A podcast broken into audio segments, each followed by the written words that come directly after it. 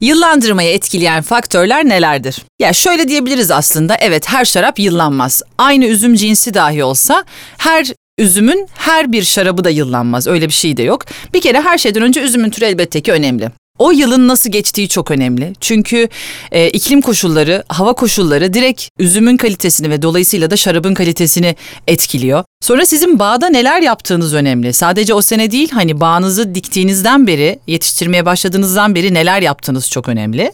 Diyelim ki üzümle ilgili her şeyi bağda iyi yaptınız. Hava koşulları çok iyi gitti. Tam istediğiniz gibi mükemmel üzüm elde ettiniz. İş burada bitmiyor tabii ki.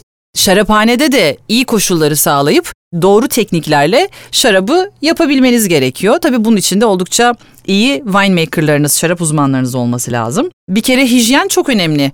Kullandığınız tankın ya da fıçının içinde herhangi bir bakteri ya da bir önceki şarabın kalıntısının kalmamış olması lazım. İşte şarabınızı doğru koşullarda hazırlamanız ve saklamanız lazım. Fermentasyonun ısısını kontrol etmeniz lazım gibi gibi bir sürü detay var tabii ki uzmanların e, en iyi bildiği. E diyelim ki biz şarabı yaptık piyasaya verdik. Sonrası e, iyi koşullarda saklamanız lazım. Şarap malum nazlı bir e, içecek. Birçok e, dış faktörden, yanlış faktörden çok kolay etkilenebiliyor. Dolayısıyla mutlaka mutlaka saklama koşullarını e, doğru sağlamak lazım. Bu koşulları da sağladığınız zaman eğer doğru şarabı yıllandırmaya çalıştıysanız iyi bir gelişim gösterecektir.